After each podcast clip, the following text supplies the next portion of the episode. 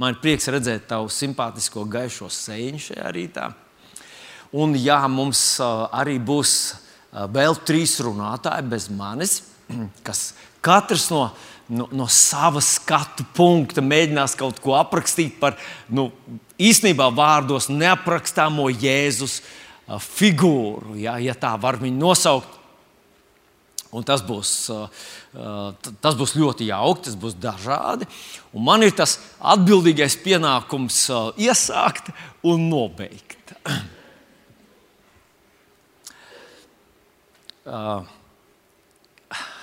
Es tā pie sevis domāju, tas tomēr ir tāds kaut kāds tāds interesants laiks. Nu, par ko es runāju? Es aizņēmos grāmatu no mazmeitas.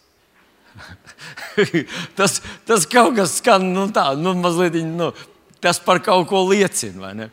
Es aizņēmos vienu grāmatu no mazmeitas, un, un, um, un uh, viņu pārlasot, jā, jā, tā nebija nekāda akadēmiska grāmata, jā, viņa ir pirmā klasē, bet, bet um, otrā, otrā, otrā klasē. Pff, otrā klasē mazmeita. Nu, tātad, viena no tām domām, kas tur bija, ir viņa man pavadināja uz tādām dziļākām pārdomām, un dažas no tām domām gribu ar jums šorīt padalīties. Nu, kas tad bija tā doma, ko es izlasīju tajā viņas grāmatā? Un tā bija par operu. Opera. Visi bijuši operā, vai ne? Vismaz garām gājuši. Jā, nu. Jā, nu tad tie, kas nav bijuši iekšā, es jums pateikšu, kas tur iekšā notiek. Tātad, kas ir opera? Opera ir tāds pasākums, kas sākās septiņos Bet, kad trīs stundas vēlāk tu paskaties pulkstenī, ir pusastoņi.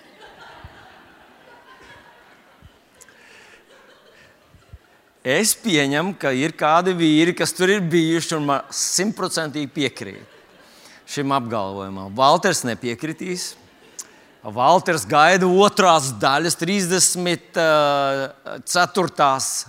takts augšējo soli, jo tas piedod jēgu visam skaņdarbam. Un bez tā tas nav tas. Bet nu, es, es kaut kādā mērā tiešām piekrītu. Tātad opera ir tāds pasākums, un man ir radās tas pārdoms, kas par pasākumu ir dzīve. Dzīve arī ir pasākums, kas sākas un tās pirmie man secinājumi bija tādi, ka dzīve ir tāds pasākums, kas sākas, un tad dažus pāris gadus vēlāk, tu paskaties, pulkstenī ir jau 15 gadi. Un dzīve ir tāds pasākums, kad, kas sākas, un kad paiet 15 gadi, un tu paskaties, pulkstenī ir 60. Nu, Es zinu, ka viens otrs man nepiekritīs, bet tas man nemaz ne, neliedza domāt tālāk. Un šī gadījumā ir tāds apgalvojums, kur es izteikšu, un es, tas ir kā, ja mēs neņemam vērā visu to atklāsmi, kurā mēs ar tevi dzīvojam, kas priekš mums ir pašsaprotama. Un tā vēl aizvien ir par dzīvi, ka dzīve ir tāds pasākums, kurā tu nevari dabūt visu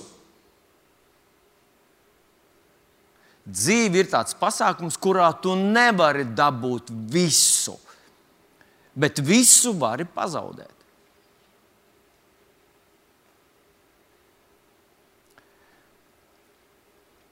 Manā māmiņa man ir stāstījusi, ka tad, kad viņa palika stāvoklī ar mani, tātad, respektīvi, es sāku savu eksistenci, tajā laikā bija diezgan liels spiediens taisīt abortu. Toreiz tas saucās tā ļoti moderni, ļoti progresīvi, jums ir tikko bērniņš piedzimis, jūsu meitiņai vēl nav gads, e, jums ļoti saprātīgi, ļoti loģiski, ļoti finansiāli nu, saprātīgi būtu iztaisīt no to, ko šodien sauc par abortu. Un mamma teica, es viņam pateicu, es to netaisīšu. Mans bērns piedzims. Tā tad bija tāds risks, ka es pazaudētu visu. Mēs šodien zinām, ka Ukrainā mirst cilvēki. Un tad uh, eksperti lēš, cik nomirst Krievijas pusē katru dienu - simti. Un cik nomirst Ukraiņu pusē, cik kopā nomirst, cik nomirst no, no bāda, no bumbošanas. Un tie, es nezinu precīzi tos ciparus, katram ir drusku savādāk, un es nepaturēju viņas galvā. Bet es iedomājos, ja es apgalvotu, ka abortos Eiropā tiek nogalināts katru dienu, civilizētos apstākļos, valsts apmaksāt, tiek atņemts cilvēkiem viss. Un tas ir absolūti legāli un pat skaitās progresīvi un cilvēku tiesības. Dzīve tiešām ir tāds pasākums, kurā tu visu vari pazaudēt. Mēs jau dzirdam, arī cilvēki zaudē miljonu jahtas, miljardus zaudē, mājas zaudē, dzīvokļus zaudē. Zaudē daudz. Dzīve ir ļoti riskanta lieta. Var nomirt. Kāds dzirdēja vienreiz tādu teicienu, dzīvot ir riskanti, var nomirt. Tā ir patiesība. Bet vai taisnība, ka tu nevari dabūt visu šajā dzīvē? Vai tā ir taisnība? Nu, atcerieties, kad jūs gājāt uz pirmajiem eksāmeniem, vai ne? Visu taču nedabūjāt galvā iekšā. Ko? Bija tāds biļets, kurus jūs gribējāt izvilkt, un tās, kuras jūs lūdzāt Dievu, lai neizvelkat. Nu, es jau biju ticīgs arī savā pamatskolas gaitās, un vienmēr lūdzu Dievam nu, eks, par eksāmeniem, bet vēlāk es sapratu, ka nav jēgas lūgt konkrēto biļeti, jo parasti notiek pretējais. Bet vēlāk es secināju, ka es iegūstu milzīgas prasmes, atbildot uz jautājumiem, kur atbildes tu nezini. Un tomēr eksāmenu nokārtoju. Tā kā iespējams, ka Dievs tomēr spēlē tavā pusē, lai gan nepaklausīja tavai lūkšanai. Bet tu nevari visu dabūt, tu nevari visur būt, tu nevari visu zināt, tu nevari visu, nu, kā uzņēmēji vienmēr saka, nevar visu pasaules naudu nopelnīt. Tas ir skaidrs. Nevar dabūt visu, visu var pazaudēt. Vēl ir ļoti īpatnēja raksturvieta, kas man šķiet, kura ir kur ir ļoti dziļa jēga. Apsolus Pāvils raksta pirmā vēstulē Timotejam, 6. nodaļā, 7. pāns, bet es jums viņu nepateikšu, citādi es jūs pazaudēšu pusstundu. Jūs sāksiet domāt, ko tad viņš ar to ir domājis. Paklausieties otru manu tādu atziņu, kas nu, ir vairāk balstīta tajā, ierēķinot to, ko mēs, to atklāsmi, ko mēs ar tevi esam saņēmuši. Ka dzīve ir tāds pasākums, kurā tu vari iegūt neizmērojami daudz. Un to tev neviens nevarēs atņemt. Tur tāda dzīve ir tāds pasākums, kurā tu vari iegūt neizmērojami daudz, un tev to neviens nevarēs atņemt. Bet par to tev jādod tas, ko tu vienalga nevari paturēt. Ko tad mēs varam paturēt no šīs dzīves? Sasaucoties ar to pirmo apgalvojumu, ka var pazaudēt visu ko tad mēs varam paturēt no šīs dzīves? Kas tas ir? Naudu mēs nevaram paturēt, ietekmi nevaram paturēt, draugus nevaram paturēt. Es esmu runājis ar cilvēkiem, kas nodzīvojuši, ka, kuriem ir tā privilēģija piedzīvot vecumdienas. Vecumdienas nav nelaime, tā ir privilēģija, kas retam tikai tiek piešķirta. Bet tad, kad tu nodzīvo gana ilgi, visi tavi draugi, mans tētis vēl savos spēka gados, viņš teica, visi mani vienaudži jau ir prom no šejienes. Tu paliec viens draugu, nu, izņemot, protams, tie paši tuvākie. Es runāju par ģimeni. Bet pats dārgākais cilvēks, kas mums ir visusticamākais cilvēks, ar kuru Dievs mūs ir savienojis, es runāju par mūsu dzīves draugu. Pie altāra mēs dodam solījumu līdzi. Nāve mūs šķirs. Pašas ciešākās, stiprākās un noturīgākās saites irst. Mēs tās nevaram paturēt. Īsnībā mēs neko nevaram paturēt no šīs dzīves. Un tas ir tas, ko Pāvils raksta Timotejam. Neko neienesām, neko līdzi nepaņemsim. Tur ir, tur ir ko domāt. Droši vien, kad um, aizmirst to teologu, viens Lutera teologs, kurš kurš eh, no viena Lutheras prediķa uzrakstīja vesels, vesels eh, katalogus ar grāmatām. Um, Melan, grāfs Melanktons droši vien uztaisīts sistemātiski teoloģiju par vienu šo pantu. Nu, es to nevaru izdarīt. Bet tā tad tas otrs mans apgalvojums, ka dzīve ir tāds pasākums, kurā mēs varam iegūt neizmērojami daudz, un mums to neviens nevar atņemt. Vai tas ir iespējams? Protams, ka te mums ir jārunā par to, kas ir vairāk nekā dzīve. Mums jārunā par to, kas nav tikai ierobežots šajā dzīvē, un te mēs nonākam pie Dieva. Jāņem Evangelijas 3. nodaļa, 16. pāns mums ļoti spilgti to saka. Jāņem 3.16, kur viņš saka tā ka Dievs tik ļoti mīlējis pasauli, ka Viņš devis savu vienpiedzimušo dēlu, lai neviens, kas viņam tic, nepazustu, bet dabūtu mūžīgo dzīvību.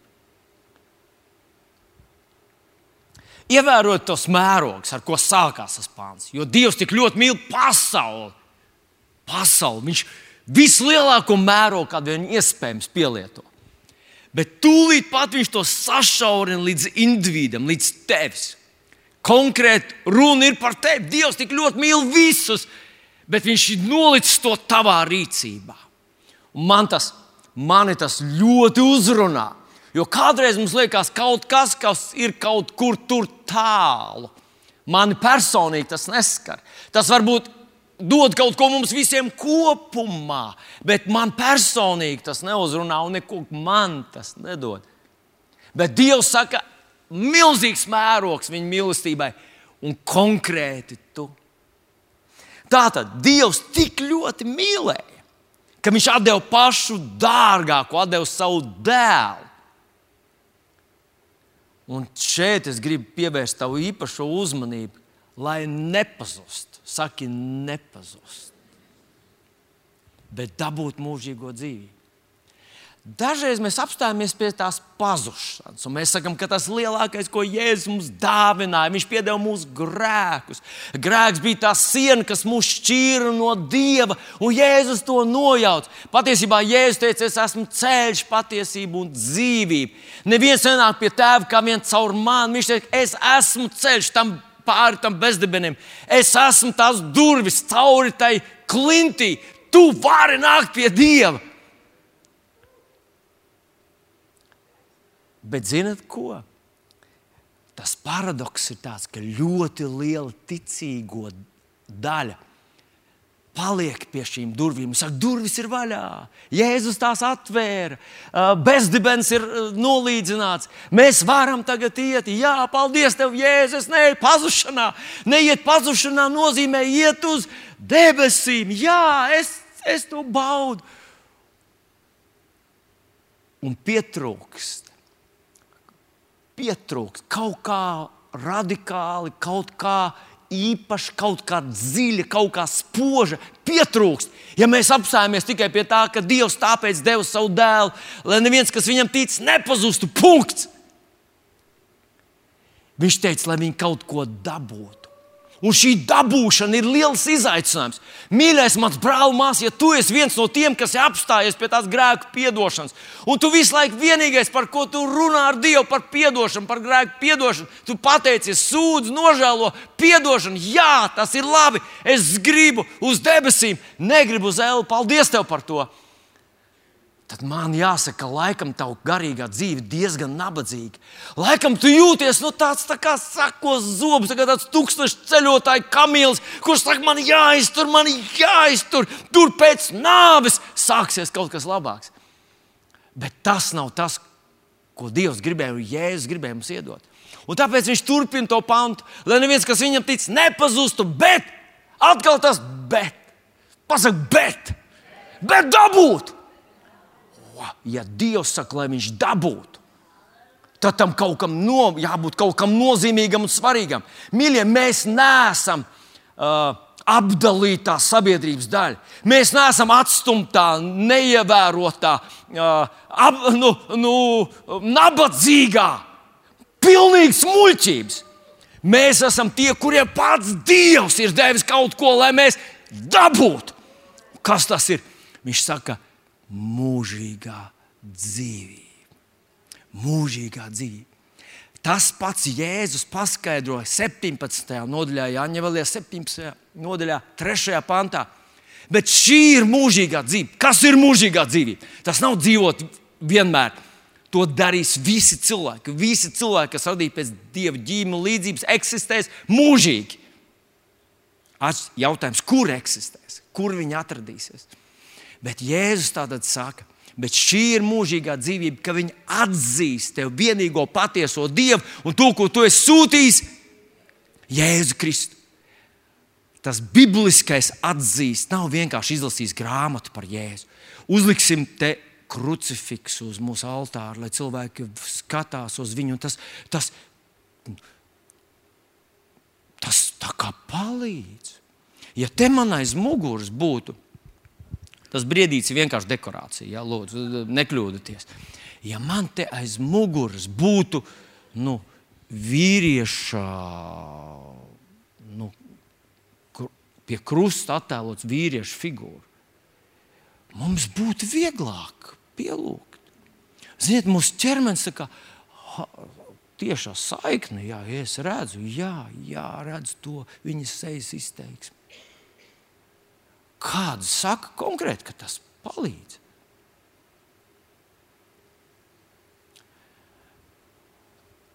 Bet tur ir runa nevis par tādu veidu pazīšanu. Tur nav runa par lasi, izlasīt grāmatu, noklausīties sprediķi. Viņš runā par personīgu pazīšanu. Jēzus personīgi. Tā ir mūžīgā dzīvība, ka viņi pazīst personīgi Jēzu un debesu Tēvu. Vai tas ir iespējams? Ja tā visa tā kristietības bagātība, krāsa, dziļums, spožums, prieks, miers būtu personīgi pazīt Jēzu Kristu, tad taču ir kāds cilvēks, kas viņu pazina labāk nekā jebkurš cits pasaulē varēja pazīt. Kas tas ir? Kas? Kas? Marija māmiņa, kas viņu iznēsāja, kas viņu turēja pie savas krūts, kas redzēja viņu kā zīdainīti. Un zināt, ko? Šī doma jau toreiz, kad Jēzus vēl staigāja pa zemes virsmu, šī doma jau parādījās. Un mēs par to lasām Lūkas evanģēlijā. Piedodiet, mēs par to lasām Lūkas evanģēlijā 11. nodaļā. 27. pantā mēs lasām tādus vārdus, kad viņš tā runāja, kad sieva paceltā balsī viņu uzrunāja un sacīja: Svētīgas tās miesas, kas tevi nesušas, un tās krūtis, ko tu esi zīdis. Tātad tava māmiņa ir tā, ja jau pazīst personīgi Jēzu, tā ir tā lielā kristietības, tā, nu, tā apslēptais dzīvības un enerģijas avots. Tad viņa viņu pazina. Un Jēzus šeit ir klāts Ja Jēzus tur nebūtu, varbūt tā arī būtu sākusies tāda, jau toreiz būtu sākusies tāda um, Marijas kults. Bet Jēzus ir šeit klāts, un 28. pantā viņš atbild. Un viņš saka tā, nu, tādā mūsu tautas valodā, lai mēs vieglāk to saprastu, viņš atbildētu tā: drīzāk, drīzāk tas ir svētīgs, kas Dievu vārdu dzird un pasargā. Šajā vietiņā reiz par visām reizēm ir pielikts un izskaidrots tas jautājums par to, vai Marija ir kaut kāda īpaša starpniece, kuru Jēzus pazīst. Bet šeit ne tikai tas ir atbildēts. Šeit ir atbildēts arī tas jautājums, vai mēs varam viņu fiziski iepazīt. Vai ja Jēzus tēls, pat iedomājieties, ja tas mums palīdzētu, Dievs būtu gādājis, lai būtu tēlnieks, kurš mācītu viens pret vienu uztaisīt Jēzus nu, figūru, viņa to, nu, kā to sauc, nu, nu kā sauc cilvēku figūru akmenī. Skulptūra, jā, pers, perfektu Jēzus skulptūru.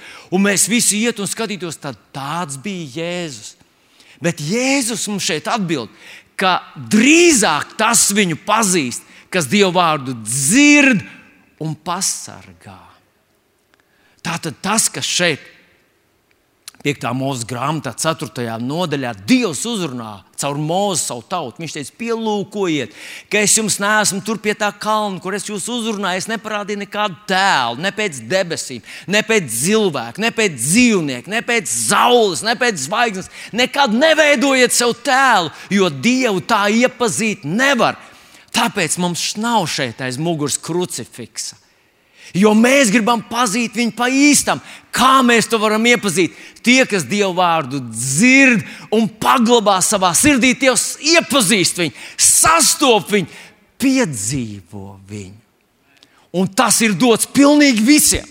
Vienalga, vai tu dzīvo Rīgā, vai mazā pilsētiņā, vai tu esi Amerikā, Portugālē, Zviedrijā, Krievijā, Ukrajinā, pat ja tu atrodies kara darbības zonā, Ja tu gribi iepazīt jēzu, tu gribi šo dārgo dāvanu, ko Dievs tev ir piešķīris, tu gribi to pieņemt. Tev vajag dzirdēt Dievu vārdu un pasargāt to savā sirdī. Un tagad es došu vārdu. Olīte būs pirmā, kas mums uzrunās ļoti ierobežota. Laikā ir tās visas trīs uzrunas. Bet lūdzu, ieklausies. Katrs no viņiem padalīsies ar kādu veidu. Olīte, lūdzu, nāc kā viņi ir piedzīvojuši un iepazinuši Jēzu Kristu, mūsu jubilāru. Jā.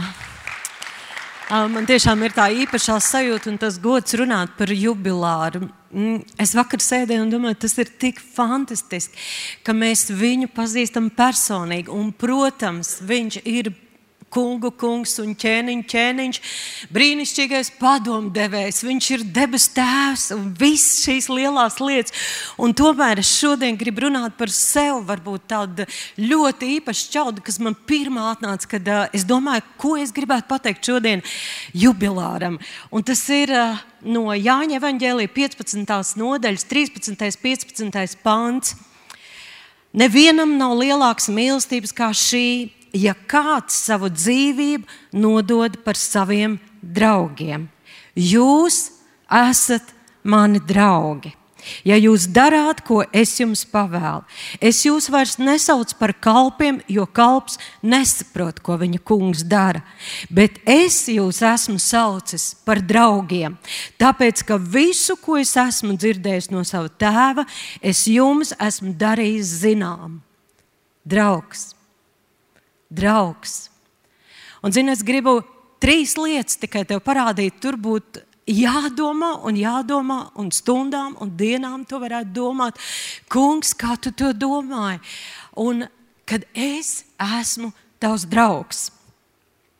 Trīs lietiņas tikai. Pirmā lietiņa, viņš mūs sauc par saviem draugiem. Viņš grib, lai mēs esam viņa draugi. Kas ir draugs? Vai tu kādreiz esi tā padomājis? Tā vienkārši mēs tā kā dabis pieņemam, jā, tas ir mans draugs, tas ir mans draugs, tas ir mans draugs. Bet padomā drusciņi dziļāk. Domājot par Jēzu, tas ir cilvēks, tas ir kāds, ar kuru es gribu pavadīt laiku, pie kuras vienmēr jūtos labi. Viņš runā, es skatos uz viņu. Es vienkārši labi jūtos. Viņš runā. Viņš stāsta, man viss interesē par viņu. Viņš var stundām pavadīt laiku, viņš var atnākt naktas vidū, pieklauvēt. Es viņu ielaidīšu. Tas ir draugs. Tas ir draugs. Un viņš grib, lai tu tāds esi. Es kādreiz domāju, eh, es neesmu tas cilvēks, kuram ir daudz draugu, varbūt bijuši. Ja? Man ir bijuši kaut kādas skolas laika draudzenes, universitātē. Jā, pēc tam man ir vēl joprojām kā draugi. Un tomēr es, par to domāju, tas ir brīnums, draugs. Un viņš saka, es gribu, lai jūs esat man draugi. Kad tu iepazīsti viņu, kad tu gribi ar vien vairāk uzzināt, tev viss patīk, kā viņš smējās, kā viņš izgāžās. Tu esi blakus vienmēr. Ja? Otra lietiņa.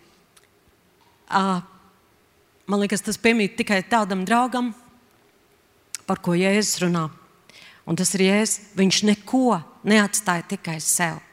Draugs, kurš neko neatstāja tikai sev. Viņš saka, visu, ko viņš ir dzirdējis no tēva, viņš mums to darīs zinām. Iedomājies! Viņš neko neatstāja sev. Es pat nerunāšu par to, ka viņš ir nomiris par mums. Viņš ir samaksājis pilnu cenu.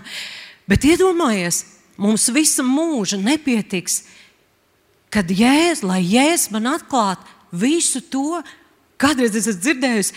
Ah, Tāpēc neviens nezina, kā tikai tēvs to stundu un dienu. Tāpēc, kad ja, ja es to zinātu, viņš būtu pateicis mums to. Iedomājies, Iedomājies kas tā par atziņu. Tas nav tā viegli. Viņš saka, visu, mīļo meitiņu, mīļā man draudzene, ja tu vien gribi zināt, ja tu vien gribi zināt, es neko nenoslēpšu. Es neko nenoslēpšu no tēva.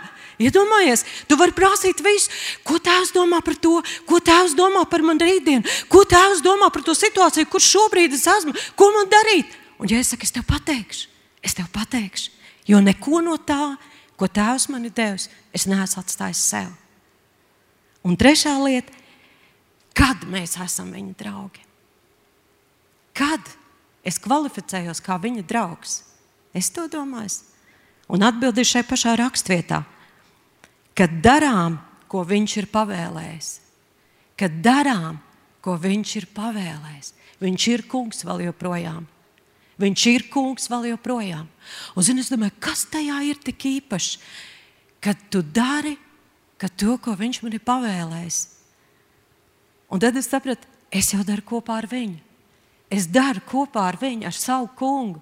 Es esmu viņa draugs, es esmu izvēlējies. Man bija ļoti odēlis pāris draugs skolas laikā. Lai cik viņš smieklīgas lietas nedarīja, es vienmēr gāju līdzi. No, nu, ok, tu esi man draudzene. es gribu to darīt. Es gribu to darīt, tāpēc, ka nu, draugi taču iet kopā. Draugi, tur, kur mans draugs, es nevaru viņu vienu atstāt. Es esmu kopā ar viņu un iekolāmies nepatikšanās kopā ar viņu. ja? Izgāžamies kopā ar viņu, ejam pie zobārs. Viņš saka, nāc man līdzi, es nevaru izturēt. es eju kopā. Tas ir draugs. Un zini, es jau 38 gadus svinu viņa dzimšanas dienu, jo es esmu ļoti sena viņa draudzene. es viņu sastapu vēl vairāk. Viņa dzimšanas dienas vakarā pirms tiem daudziem gadiem, kad mans dēls saka, mamma, vai tik ilgi cilvēki dzīvo? 40 gadus. Dzīvo un ir viņa draugi. Ja?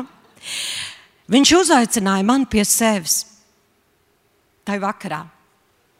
Viņš aicināja pavisam vienkārši caur cilvēkiem, caur draugu un piedāvāja savu draudzību uz mūžu. Toreiz, tu zini, es droši vien to īsti nesapratu un neaptvēru, bet es teicu vienkārši jā.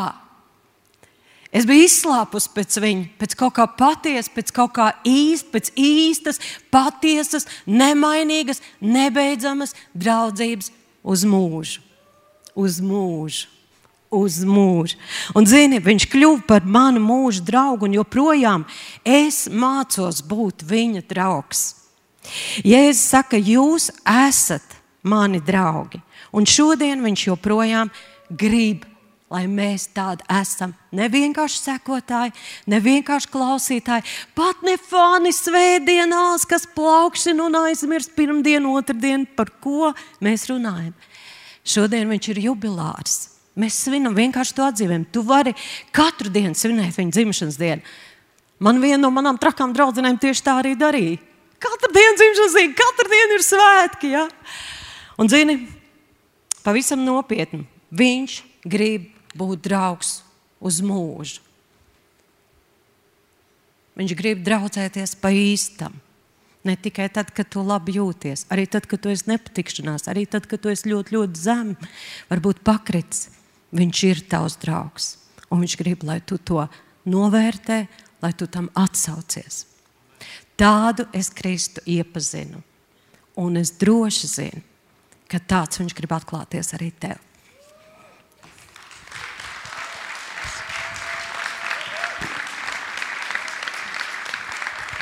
Labrīt, draugi!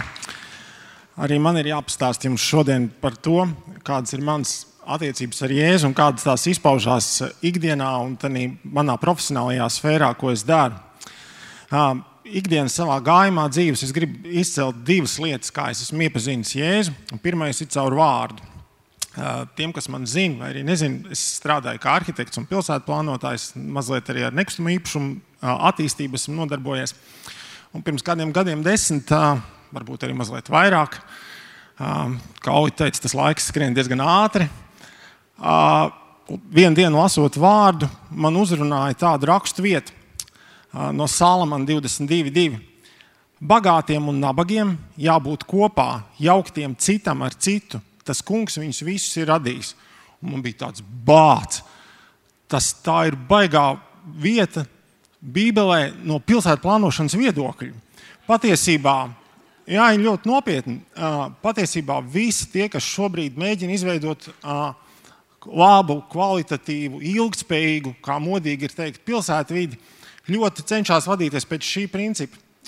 Piemēram, viena liela, liela teritorija, ko attīstīja Dublīna, Dublīnas Doklenda 90. gada sākumā, tas viss iesākās. Viens no pamatprincipiem, ko viņi ieviesa, bija tāds, ka 10% no jaunajiem mājokļiem ir jāparedz sociālām vajadzībām. Vai nav biblisks risinājums? Fantastiski īstenībā. Es pēc tam azartiski metos Bībeles studijās iekšā, ne tikai lasot vārdu, mēģinot iepazīt Jēzu vairāk. Es centos atrast, ko Dievs saka par, par manu jomu, par būvniecību. Uh, jā, tur ir, tur ir daudz lietas, tur ir tādas ļoti praktiskas lietas, ko Dievs ebrejiem teica, teica gan par uh, tempļa būvniecību, par pilsētu izveidu. Padomājiet, tik tur ir runāts par uh, patvērumu pilsētām, par noliktavas pilsētām, par ratu pilsētām. Bet ir arī lietas tādas, kas ir, ko var patiesībā paņemt tik viens, bet man patīk, ka tas bija caur, caur būvniecību. Lūkas 14, 28. Jo kurš būtu jūsu starpā, kas gribētu celt torni un pa priekšu neapsēstos, lai aprēķinātu izdevumus, vai viņam pietiks līdzekļu darba izvešanai? Man skolas laikā bija apnikusi rēķināšana, teikšu godīgi, bet, eh, protams, darot to darbu, ko es daru, es bez tā nevaru iztikt. Un šis ir viens no tiem principiem, kurus ļoti, ļoti cenšos ievērot. Uh, pa, Un par šo laiku, kad es teicu, kad es sāku studēt un skatīties tās būvnieciskās un arhitektoniskās Bībeles raksturvietas, sakrājušās vairākas desmit vietas. Un tagad, eh, gatavojoties runāt, es pārskatīju viņas un atkal ieraudzīju vienu raksturvietu, kas man ļoti uzrunāja. Ne tikai šādā sakarā, bet visas tās eh, ģeopolitiskās turbulences sakarā, kas notiek Ukrajinā. Tas ir no Ecehiela 36, 33. Es ļoti īstenībā ticu, ka šī raksta vieta ir labs apsolījums tiem Ukraiņas ticīgajiem cilvēkiem, kas, kas iet cauri šobrīd grūtībām. Tātad, tā saka Dievs, tas kungs, tajā laikā, kad es jūs šķīstīšu no visiem jūsu noziegumiem, es piešķiršu pilsētām jaunus iedzīvotājus. Sagrautās pilsētas tiks atkal atjaunotas. Es esmu par šo laiku pārliecinājies, ka ik viens profesijas pārstāvs var rast atbildes un ierosinājumus norādes, tā skaitā profesionāls norādes. Dieva vārds ir ļoti, ļoti daudzdimensionāls. Ir tikai nepieciešams viņā ienirt un mērķiecīgi turpināt studēt. Otrs aspekts, ir, kas man palīdzēja veidot sadraudzību ar Jēzu, protams, ir lūkšana. Man atgriešanās nebija tāda, kā daudzas brīnišķīgas liecības esmu dzirdējis šajā laikā pēkšņi Dievs uzrunā. Man tas viss notika ļoti lēni, pārdomāti, mērķiecīgi. Arī dzen, būdams, tad, kad es biju jauns kristietis, es godīgi sakot, skatījos un klausījos uz tādu zināmu skaudību, uz tādām liecībām, kā Ernests šodien teica, kad viņš redzēja tēvu. Citās liecībās cilvēks, cilvēks sacīja, kā viņi dzirdējuši Dievu, kā viņš uz viņiem runā. Es domāju, nu, pats, nu, kāpēc, kāpēc, es, kāpēc es nedzirdu? Un tad es sapratu, ka man ir, man ir nepieciešams vairāk un speciāli atlicināt laiku sarunai ar Dievu. Un es nošķīru tādu, es esmu cīrulis, nevis pūce. Es, mana labākā dienas daļa ir rīts. Es nolēmu, ka es no rītiem sākšu celties agrāk veltīšu laiku pielūgšanai, aizlūgšanai vārdu studijām. Un ticiet, un tajā laikā man sāka pamazām Dievs ar vien vairāk un vairāk uz mani runāt. Un viens tāds konkrēts piemērs. Pirms nu, jau vairāk kā septiņiem gadiem es ar vienu savu jaunības dienu biedru, kas ir katoļu kapelāns, izveidojām biedrību, kas bija un ir joprojām domāta tam, lai palīdzētu bijušajiem ieslodzītajiem un atkarīgajiem. Protams, tā ir tāda sfēra, kurai faktiski iesākoties absolūti no nulles tukšā vietā, nu, līdzekļus dabūt ir ļoti, ļoti grūti. Bet Dievs brīnišķīgā veidā mūs vadīja. Un, un mēs tikām gan pie mājas, kur mums nodeva lietošanā, kur biedrība varēja sākt darboties ļoti labi bija cilvēki, kas gribēja, kas gribēja tiešām atgriezties, kas gribēja pārveidot savus dzīves, kas bija gatavi nākt, strādāt, darboties tie, tie paši bijušie ieslodzītie un atkarīgie. Bet mums tajā vienā brīdī nebija būvniecības instrumenti, ar kuriem strādāt. Es lūdzu Dievu labu laiku, lai viņš man pasaka, un vienkārši vienā rītā, kā pilnīgi lūdzot par ko citu, Dievs man teica, tu piezvani tam un tam cilvēkam. Es pirmā brīdī padomāju, tas cilvēks, es ar viņu esmu komunicējis ļoti ilgu laiku, vairākus gadus. Viens mans bijis klases biedrs, kurš ir Lombardu īpašnieks. Nu, neko, Dievs teica, es paņēmu telefonu, piezvanīju. Un, ziniet, mēs dabūjām visus nepieciešamos instrumentus, kas mums bija nepieciešami, lai mēs varētu sākt izvest tos būvdarbus. Mēs pat dabūjām vēl vairāk. Mums pat slaloms slēpes nāca komplektā. Un kopš tā laika es īstenībā vēl, vēl jau vairāk cenšos pret šīm savām rīta sesijām ļoti, ļoti uzmanīgi attiekties. Un, Jo Dievs mēdz uzrunāt pavisam negaidīt mani. Es lūdzu par vienu lietu, un pēkšņi Dievs man brīdina par kaut ko, pasaka. Es tagad jau esmu nolicis blakus arī papīru lapu un pildspalvu, lai kaut ko neaizmirst un nepalaist garām. Nobeigumā es jums gribu teikt raksturvietu no pirmās ķēniņa 19, 11 un 12. Un redz, tas kungs gāja garām lielā un spēcīga vētra, kas sašķeļ kalns un sadrupina klints, gāja tam kungam pa priekšu. Bet šī vārdā, šī vētrā nebija tas kungs. Pēc vētras nāca zemestrīce, bet tas kungs nebija zemestrīcē. Un pēc zemestrīces bija uguns, bet tas kungs nebija ugunī. Bet pēc uguns lēna balss. Tādu es esmu iepazinis Jēzu, un es ticu, ka tādu arī vari viņu iepazīt.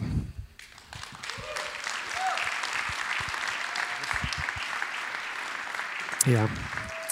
Slavu Jēzum! Labrīt, draugi! Jūs labi izskatāties! Neesat saguruši gada beigās vēl. Pēdējais dievkalpojums. Jā, es arī esmu šeit uznācis, lai mazliet dalītos par mūsu kungu ķēniņu un glābēju. Es gribu teikt personīgi par manu kungu ķēniņu un glābēju. Tik labu ķēniņu, nu, Mums ir priekšstats par pasakām no ķēniņiem, par kungiem ir kaut kur no folklorām, tie ļaunie kungi un dažādi mums tās domas, bet es gribu teikt, tas nav aprakstāms, tas nav ieliekams nekur tajās mūsu laikam, tajās līdzībās vai saprašanā. Viņš ir tik dāsns kungs. Vārds dāsns, viņš neizsmeļ visu, viņš ir tik, tik labs. Mēs vēl to tikai iepazīsim, laikam, tiešām nonākot debesīs. Bet es eh, arī šajā dienā gribēju mazliet padalīties ar domu, kas ir eh, vai, vai, vai sfēru, domāju, mums ļoti svarīgi šai dzīvē. Zinat, Pāvils saka, ja mēs esam. Ja mēs ticam uz kungu tikai par debesīm, tad nožēlojam mēs esam. Mācītājs to domā, iesāk, kad nonākot pie durvīm un ticēt, ka esam izglābti, laikam ir stipri, stipri par mazu. Tas ir daudz vairāk kā nebūt glābtam bez šām, bet tas mums, kā Dieva bērniem, ir stipri, stipri par maz. Un Dievs grib mūs vest tālāk. Un pavarot šodienas svēru, to, to, to manu vai liecību, vai tādu pagodinošu uzrunu mūsu kungam un ķēniņam, es gribētu iesākt ar galaktiešu vēstules 3. nodaļas 13. pantu. Un tas skan tā. Kristus mūs ir atpircis no bauslības lāsta, mūsu labā kļūdams par lāstu. Jo ir rakstīts, nolādēts ir katrs, kas karājās pie koka, lai Ābrahama svētība nāktu pār pagāniem Kristu Jēzu. Tā ka ticībā mēs saņemam gara apsolījumus. Mēs jau zinām, mēs sakām, Ābrahams ir mūsu ticības tēvs, un, un citējam viņu, un, un, un, un kādreiz skatāmies, kas tas ir un kā tas darbojas. Un, zinot, es runājot, šeit dienā es runāšu tā kā, tā kā labklājības virzienā. Par Ābrahāmu runājot, tur daudz vairāk. Tā nav tikai labklājība. Bet tajā virzienā tad es sāku domāt, kungs, kas tas ir?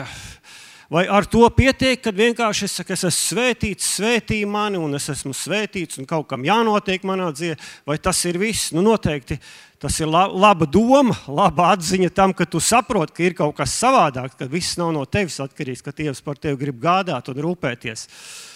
Un, un es tevi noteikti, lai neteiktu, ka es par sēšanu runāju, es vēl ar vienu gribu atgādināt, ka manas attiecības ar Jēzu ir arī manās finansēs un ļoti svarīgas. Un tās ir tās, ko mēs ik reizi dievkalpojumā varam paust, tad, kad mēs atnesam savu desmito. Vispirms jau mēs sakām, ka mēs esam tie, kas atnes tajā namā, kur mēs tiekam baroti. Mēs varam kaut kāda veida durvis vaļā, kur mēs tiekam pabaroti. Mēs sev ļaujam uzklāt galdu vienmēr, atnesot desmito. Un ziedojums vai patiesībā tava sēkla ir lieta, kur tu nekad nedrīkst apēst. Un tavi tīrumi ir tavā ziņā, vai viņi paliek apsēti. Un cik tavi tīrumi ir liela ar patiesībā ir tavā ziņā, draugs. Tas ir tās primārās lietas noteikti. Bet tad es domāju, kungs, kas tas ir? Kas tas ir tā Ābrahama svētība šajā jautājumā? Un tad viena lieta, ko es gribētu teikt, tā pirmā lieta būtu būt paklausīgam Dievam. Nekas jauns, jā, bet būt paklausīgam. Būt tam, ko šodien jau Olīte minēja, un vairāk runātāji par to runā. Paklausīt, dzirdēt viņa balsi, staigāt viņas. Es gribu teikt, vispirms jau viņa vārds Mēs sakām, Jēzus, bet es teiktu, man Jēzus ir šī grāmata. Viņa vārds, viņa vārds ir šeit. Un tur ir Jēzus atklāts tiešām. Tur ir tie dzīvības vārdi, kad tev viņi atklājās, ka tu viņus sadzirdi, ka tu viņus satver, ka tu viņus pasargā savā sirdī un neļauj nozagt. Un tad, kad liekas, jau piemirs, un tu atgādini sev atkal, un tu neļauj vēlnam šo sēklu aiznest, neļauj nezālēm to nomākt, bet ļauj, lai tas izaug. Tā ir atbilde. Tas ir veids, kā tu paklausi. Es vēl vienu lietu teikšu par Ābrahāmu. Tāda saudabīga lieta.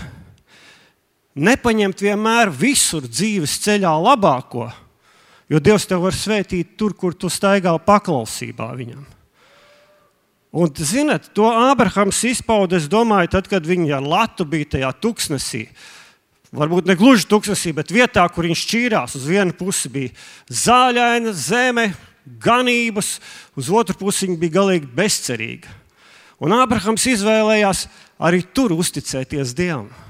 Un, zinot, šajā tādā trauksmainā pasaulē, kādā mēs dzīvojam, kad viss ir augšā, lai augšā, lai te krīze, te labi. Tad, kad tev analītiķi saka, viss būs slikti, kaut kā nav tik slikti, tad saka, rulējam, tagad viss labi, naudas ir tik daudz kā nekad, pēkšņi viņas nav. Un visādas lietas, saprot, šī pasaule ir tik neparedzējama. Mēs kādreiz skatījāmies to, mums bija pagājušā gada sākumā, man liekas, tā bangojošā jūra ar to kuģi jūrā. Zināt, tā ir draudzene, bet tas arī esi tu, tu esi tajā kuģī. Tā apkārtā pasaule ir viena jūra, un arī šīs pasaules ekonomika ir šāda. Te viņa ir viena jūra, bet ir dieva ekonomika. Viņa ir. Un Jēzus, Jēzus par viņu runā, un, un runā viss dieva vārds. Un tāpēc es saku, ka ne viss, kas šai dzīvē nāk tavā ceļā, un nevienmēr tas, kas izskatās labs, ir labs. Bet tad, kad tu zini, ko Dievs tev saka, tas ir labs. Tad vēl viena lieta, ko es varbūt pieminētu, tas būtu neņemt lietas, neņemt lietas šai pasaulē. kuras nepagodina Dievu, ja, ja atņem Dievam godu. To varbūt Ābrahams izpauda konkrētajā pēc tās ķēniņa kaujas, kurā viņš bija Latviju atbrīvot. Bet es gribu teikt, tur, tur arī bija tāds ļoti konkrēti raksturot. Tas pāns, kā Ābrahams saka, ka viņš neņems no tās Sodomas ķēniņa pat ne kurpju siksnu, lai viņš neteiktu, ka tas Sodomas ķēniņš ir darījis viņu bagātu. Un tā vai tā Dievs, eh, atdeva Dievam desmito, viņš tieši izdarīja to, ko, ko vajadzēja izdarīt. Viņš pie, pieņēma šo Dieva izaicinājumu, un es gribu teikt, pēc tam bija tas lielais apsolījums par Ābraham, ka viņš, da, viņš viņu svētīs, ka viņš viņu vairos, ka viņš darīs par, par, par, par, par dzimumu, no kuras visas, visas pasaules būs svētītas šajā dzimumā. To Dievs izdara, klausieties. Es gribu teikt, tas ir tas, ko Jēzus, ko es izlasīju tajā raksturvietā, ir izdarījis priekš mums. Lai Ābrahama svētība, šī svētība būtu pār mums. Un neatkarīgi no tā, kādā es domāju, mēs esam tajā līmenī kaut kādā, vai kādās mēs esam eh, sezonās, varētu teikt, vai kaut kādās situācijās. Te neiet runa par to bagātības mēru vai kaut kādu skaitli vai kaut ko, bet es domāju par tām attiecībām ar Dievu, nostāties uz šī ceļa, nostāties šajā laikā, kad mums vēl ir jāiet, kad mums vēl ir jāuzvar, ka mums vēl ir jāietekmē šī zeme. Ka mums ir evanģēlijs jāpasludina, ka mums vēl ir jākalpo, mums ir jābūt stipriem katram personīgi. Katram personīgi. Es domāju, arī šajā jomā mēs varam paņemt no Dieva to. Un tad vēl viena lieta, ko es varbūt gribētu tā noteikti nodot, kad finanses vai, vai, vai, vai labklājība mūsu dzīvē ir ļoti atkarīga no tā, vai mēs esam iesaistīti tieši Dieva darbā. Ļoti tieši Dieva darbā. Nevis tā, ka mēs kaut kur piedarām, jā, es, es kaut kādai draudzēji pieskaitu sev, vai ne šai gadījumā, šai draudzēji, bet es esmu iesaistīts ar visu, kas es esmu man dzīve tiek būvēta tādā veidā, ka tas, kā es strādāju, tas, kā es vērtēju lietas, tas, kā es kalpoju līdz cilvēkiem, tas, kā es attiecos attiecībās kaut kur, tas, ka, tas ka, kur es ieguldos, ne, tam vienmēr jābūt būt saistītam manā dzīvē ar to, ka Dievs, tas ir tavs darbs, es gribu būt derīgs tajā. Un es gribu teikt, tas ir ļoti atkarīgs no tā. Un nobeidzot šo te varbūt arī to domu, es gribētu vienkārši pateikt, ka Es nevaru Jēzu šodien arī savu jubileāru apbēdināt ar to, ka es esmu pieticīgs, ka es palieku pie šiem glābšanas vārtiem, kad es savā dzīvē neņemu apsolījumus, ka es esmu kūtrs, ka es neizvēlos ticēt. Es ar to viņu tikai varu apbēdināt, neņemot to, ko viņš jau ir piepildījis 2000 gadu atpakaļ. Un tā doma par to, ka dažkārt Dievs kaut ko kavē, mums jau jāpasteidzās. Viņš 2000 gadu atpakaļ ir izdarījis lietas, un mums viņi ir jāpaņem. Tie apsolījumi ir šodien mums doti, tā kā mums vēl ir jāskrien. Mums jāņem Jēzus vārdā. Tā kā ar to es gribu teikt, ka es ticu, ka Dievs pagodinājās manā dzīvē šādā veidā un atklājās, un ka Viņš var atklāties arī tev, un tu vari to lietot un baudīt. Jā, paldies! paldies.